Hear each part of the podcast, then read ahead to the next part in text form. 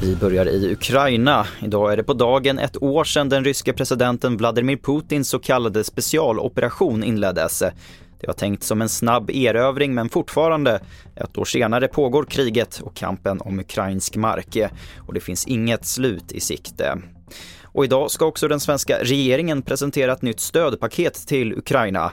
Det sker i samband med att statsminister Ulf Kristersson och försvarsminister Paul Jonsson besöker Boden. Enligt uppgifter till SR ska stridsvagnar av typen Leopard 2 ingå i paketet, som är det elfte stödpaketet Sverige fattar beslut om. Till sist att dubbdäcksförbud och elektriska bilar har gjort luften renare i Stockholm och det i sin tur har lett till att barnens lungfunktion förbättras. Forskarna på Karolinska institutet som står bakom studien menar att resultaten är viktiga eftersom dålig lungfunktion är kopplat till flera kroniska sjukdomar. Erik Melén är professor i barnmedicin på Karolinska institutet. Den lungfunktionen man har som ung vuxen, den har man med sig hela livet.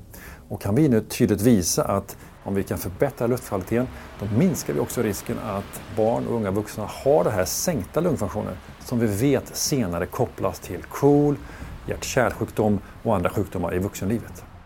Och med det så sätter jag punkt för TV4-nyheterna. Jag heter Albert Hjalmers.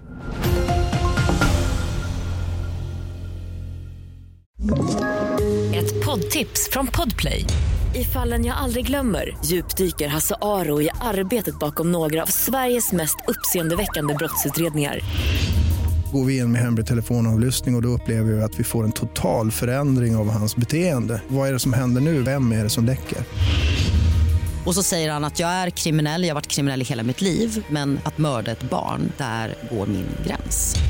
Nya säsongen av Fallen jag aldrig glömmer på Podplay.